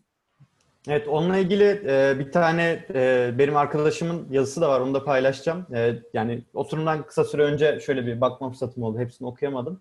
E, Naci Emre Boran, e, benim liseden çok yakın arkadaşım, hala da görüşürüz. E, T24'te yayınlanmış bir yazısı var. E, Anayurt Oteli'ne yakından bakmak diye başlığı. Orada e, şey üzerinden e, anlatıyor. E, Murat Belge'nin işte o bahsettiğim Zebercet'ten Cumhuriyet'e Anayurt Oteli e, işte hem derslerinde de okuttuğu kitabını biraz e, hani eleştirerek, o kitabı yorumlayarak anlatıyor. Orada mesela şöyle bir e, yer geçiyor, cümle geçiyor. Sen bahsedince ben de hemen aktarmak istedim. Ulusal politik alegori yaklaşımının etkisini kitabın başlığındaki Zebercet'ten Cumhuriyet'e ibaresiyle birlikte tüm temalarda hissedebiliyoruz diyor. Yani hakikaten o simgesel bir şey var. Evet. Hani Cumhuriyet'in kuruluşu, işte oradaki e, toplumun yaşadığı değişim, dönüşüm ve hani işte o Kurtuluş Savaşı daha öncesindeki işte Yunanlarla olan mücadelelerde işte bu kasaba e, Yunanlardan kaçmış. Hani mesele o aslında. Yunanlardan kaçtıkları için de Yunanlar yakmış, yıkmış. Hani sonra sıfırdan kurulan bir kasabadan bahsediyoruz. Sıfırdan kurulum sürecinde de e, işte Anayurt Oteli böyle bir şey vefa Çok borcunu bir şey. Mesela o yüzden sokakları geniş, o yüzden düzenli. Yakın sıfırdan yapıldığı için evet. Aynen öyle. Çok değişik yani güzel anlatmış bence. Or- orası hoşuma gitmişti onu paylaşmak istedim. Evet işte mesela Ankara Ankara güzel Ankara askerlik anılarında Evet. falan da anlatır. Ankara'da öyle sıfırdan yapılmış bir şehirdir. Yani yıkıntıdan değil ama küçük bir kasabadan büyümüş bir şehirdir. Yani hakikaten düşününce e, çok farklı yerlere çekebiliyorsunuz. Böyle kendi e, değerlendirebiliyorsunuz kendinizi. O açıdan ben e, de kendi yorumumu yapmış olayım. Yani çok derin e, içeri yani içerik olarak belki bazı insanları rahatsız edebilir ama hani böyle bir gerçeklik var. Bence de senin dediğine katılıyorum Dişat. Yani hani bunları okuyup konuşabilir hale gelmeliyiz ki belki o zaman bunu nasıl çözerizi de konuşabilir hale geliriz. Yani bu şey değil astık, kestik, işte linç ettik. Bununla çö- çözülmesi imkansız olan konular yani. Bunu biz ta en e, tohumdan yani aileden işte şeyden eğitimden e, insanlara yaklaşımımızdan empati kurabilmeden işte bireyselleşmeden filan e, almamız gereken en baştan alarak e, getirmemiz gereken konular. O yüzden de yani bu kitabı ben e, değerli buluyorum. Bunları e, böyle yani bunları da bu gerçekleri de öğrenmeli ve altında yatan şeyleri de yani böyle bize hissettiriyor yani nereden neden böyle bir e, şeyler toplumda e, işte şiddet eğilimi işte cinsel sapkınlıklar diyeyim işte böyle saldırılar saldırganlar işte tecavüzcüler falan filan E, onun dışında işte dürüst olmayan insanlar yani birçok şeye böyle e, hakikaten insana içgörü verebilecek bir kitap ve şey de bence çok güzel e, herkes istediği yöne çekebilir. Hiç kimseyi böyle şey yok yani işte. Kimseyi kötüler, kimseyi böyle e, suçlar, kimseyi hedef ta- hedefe oturtur bir tavrı da yok. O bence çok önemli. Yani bizde bu çok var mesela. Yani hep birilerine hedef gösterme. Hep işte bir liderin peşinden gideyim. Onun karşısında bir kötü olsun, onu kötüleyeyim. E, o- hep böyle bir şey var. Anlam kazandırma. Aynen Ben- yani karşına kötüyü koyup kendine anlam kazandırma. Ee, ya bunlar hakikaten e, e, sorunlara çözüm getiren şeyler değil, sorunları daha da derinleştiren yaklaşımlar. O açıdan da ben kitabı e, değerli buluyorum. İlk fırsatta filmi de e, okuyacağım, şey e, izleyeceğim e, pardon. İlk fırsatta da filmi izlemek istiyorum. Herkese tavsiye ederim e, kitabı. Yani e, belki yani Dişat mesela senin durumunda sen zaten bunu çok iyi bildiğin, farkında olduğun için sana öyle gelmiş olabilir ama bence bunu okuyup bir Ben okunmalı diyorum zaten yani meraklısı kesinlikle okumalı. Benim gibi düşünmek hani ben başka bir noktadan bakıyorum. Zaten edebiyatla çok yakınsayamıyorum bir türlü ya da başka bir yakınsıyorum. Ama okunmasın demiyorum. Kesinlikle meraklısı yani e, yaşadığımız toplumun ben mesela farkındalığım bazı noktalarda yüksek yaşadığımız toplumun farkındayım ve bazı noktalardan dolayı da acı çekiyorum. E, bu bir daha bir daha yüzüme vurulunca zaten hoşuma gitmiyor yani. Hani ben birçok şeyden dolayı acı çekiyorum. Ama bütün berraklığıyla, çıplaklığıyla Yusuf Atılgan bazı noktalarda umarsızlığımızı, riyakarlığımızı, ikiyüzlülüğümüzü, kötülüğümüzü ya da iyiliğimizi şey yapmıyor. Çok yorum yapmadan salt böyle ortaya koyuyor yani. Senin dediğin gibi işaret etmiyor. Aa bu kötüdür deyip onu hedef tahtasına oturtmuyor. Al busun diyor işte bu kadarsın. Koyuyor ortaya. Bence değerli yani kötü demiyorum. Ben değil. eyvallah. Ee, bu şekilde sonlandıralım oturumuzu. Herkese tavsiye ederiz. ilgilenen herkese. Ee, özellikle zaten yani bayağı bir anlattık kitabın içeriğini de, e, anlatım tekniklerini de. Ee, hani iyi bir şey vermişizdir diye düşünüyorum kitapla ilgili e, fikir e, bizi izleyen dinleyen takipçilerimize. E, önümüzdeki oturumda da e, Prens kitabını okuyacağız Machiavelli'nin. Yine bu e, Eren'in önerdiği kitaplar arasından e, takipçilerimizin oylarıyla e, seçilen bir kitabı. Bayağı açık ara önde e, bir oy aldı. Demek ki hani popüler e, insanlar tarafından da talep gören bir kitap. Bu Prens kitabını bir sonraki 13. oturumumuzda okuyacağız. 14. oturum için e, Dişat'ın önerdiği kitapları okuyacağız. Onu da şu an şeyi açık Twitter'da anketi. O Twitter anketi de sonlandığında sonuçları duyurup kitabımızı belirlemiş olacağız. Bu şekilde. E, bizi dinlediğiniz, izlediğiniz için çok teşekkür ederiz. E, 12. oturumumuzun da sonuna geldik. Bizi sosyal medya hesaplarımızdan e, takip edebilirsiniz. YouTube kanalımızdan videolarımızı izleyebilirsiniz. E, Spreaker, e, Apple Podcast, Anchor Pro platformlarından e, bizim podcastlerimizi dinleyebilirsiniz. Sanırım Android'de Google Podcast'te de varız. Onu tam teyit edemedim ama varız sanırım olduğumuzu söyledim. Spotify'ı da istersen Hı, evet, Spotify'a da başvuru yaptık. Şu an değerlendirme sürecinde. Yani tahminimce birkaç hafta içinde Spotify'da da e, podcast'imiz çıkacak. E, bir aksilik olmazsa. E, onu da çıktığında yine bizim sosyal medya hesaplarından da, e, oturumdan da e, duyururuz. Bir sonraki oturumda ne zaman artık e, Spotify'da yayına girersek. Yani Spotify, e, Dişat'ın da benim de Eren sen de kullanıyor musun bilmiyorum Tabii. ama bayağı kullandığımız güzel bir müzik uygulaması. Yani podcast olarak da orada yer, yer almak bizim için heyecanlandırıcı. Yani oradan da daha belki bir kitleye yayılabiliriz diye e, düşünüyoruz. E, bu şekilde. E, bu arada e, geçen ben bir tweet atmıştım. Onunla ilgili de çok kısa bahsedeyim. E, bizim işte 6 ayı doldurmuş olduk Temmuz ayında. Ocak ayında başlamıştık. E, işte bu YouTube kanalına ve podcast'te. E, 12 tane, o zaman 11 tane işte tamamlamış durumdaydık e, oturum. 11 tane kitap okuduk. Şimdi 12.yi bitiriyoruz. İşte 200'ü geçti YouTube takipçimiz. E, yani düşündüğünde bu YouTuber'ları falan 200 çok böyle küçük bir rakam. YouTube'un dibinin dibi gibi görünebiliyor ama e, ben şey açısından değerli buluyorum. Mesela şu an Telegram grubumuz 26-27 kişi oldu galiba. Yani işte Instagram'da da 400'e yakın. Ama asıl yani bu işte YouTube, e, podcast'te de bir 80-90 takipçi var sanırım. E, Telegram buralarda hani e, aktif bir şekilde bizle birlikte kitap okuyan e, arkadaşlarımız var. Bu bizim için değerli. Onun dışında işte yorum yapan, ben de katılmak istiyorum diyenler oluyor. E, bunlar bizim için çok değerli. E, inşallah bunu daha da böyle e, yaymayı düşünüyorum. E, daha da genişlikleri zaman içinde yayılırız diye ümit ediyorum.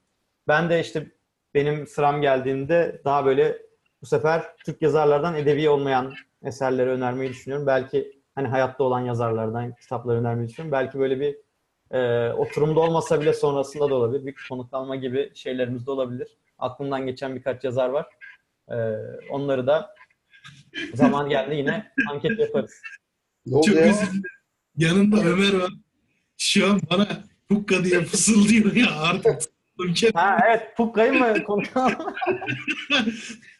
tutamadım kendimi. Yok canım. Pukka değil de neydi şu El ve Dudu yazan aslında onu alabiliriz. Tuğçe, Tuğçe Işınsu. En sevdiğim. Tuğçe Işılsı alabiliriz. Yok ya benim aklımdan sıkıcı insanlar geçiyordu işte. Mafya Eğilmez, Selçuk Şirin falan. Mafya eğilmez evet çok güzel olabilir. Evet onlar da çok yeni kitapları var şu an. Bayağı gündeme de oturan böyle bestseller olan kitapları var. Ee, o kitaplardan birini okuyabiliriz diye düşünüyorum. Ee, önereceğim kitaplar onlardan, onlardan olacak. Öyle. Peki tekrardan çok teşekkürler bizi izleyip dinlediğiniz için. Ee, tüm platformlardan e, yorumlarınızı, önerilerinizi bekliyoruz. Eleştirilerinizi de özellikle bekliyoruz. Ee, yani bize her türlü eleştirilerinizi e, tüm platformlardan iletebilirsiniz. 13. oturumda Prens kitabıyla tekrardan buluşmak üzere. Hoşçakalın, kitapla kalın. Hoşçakalın.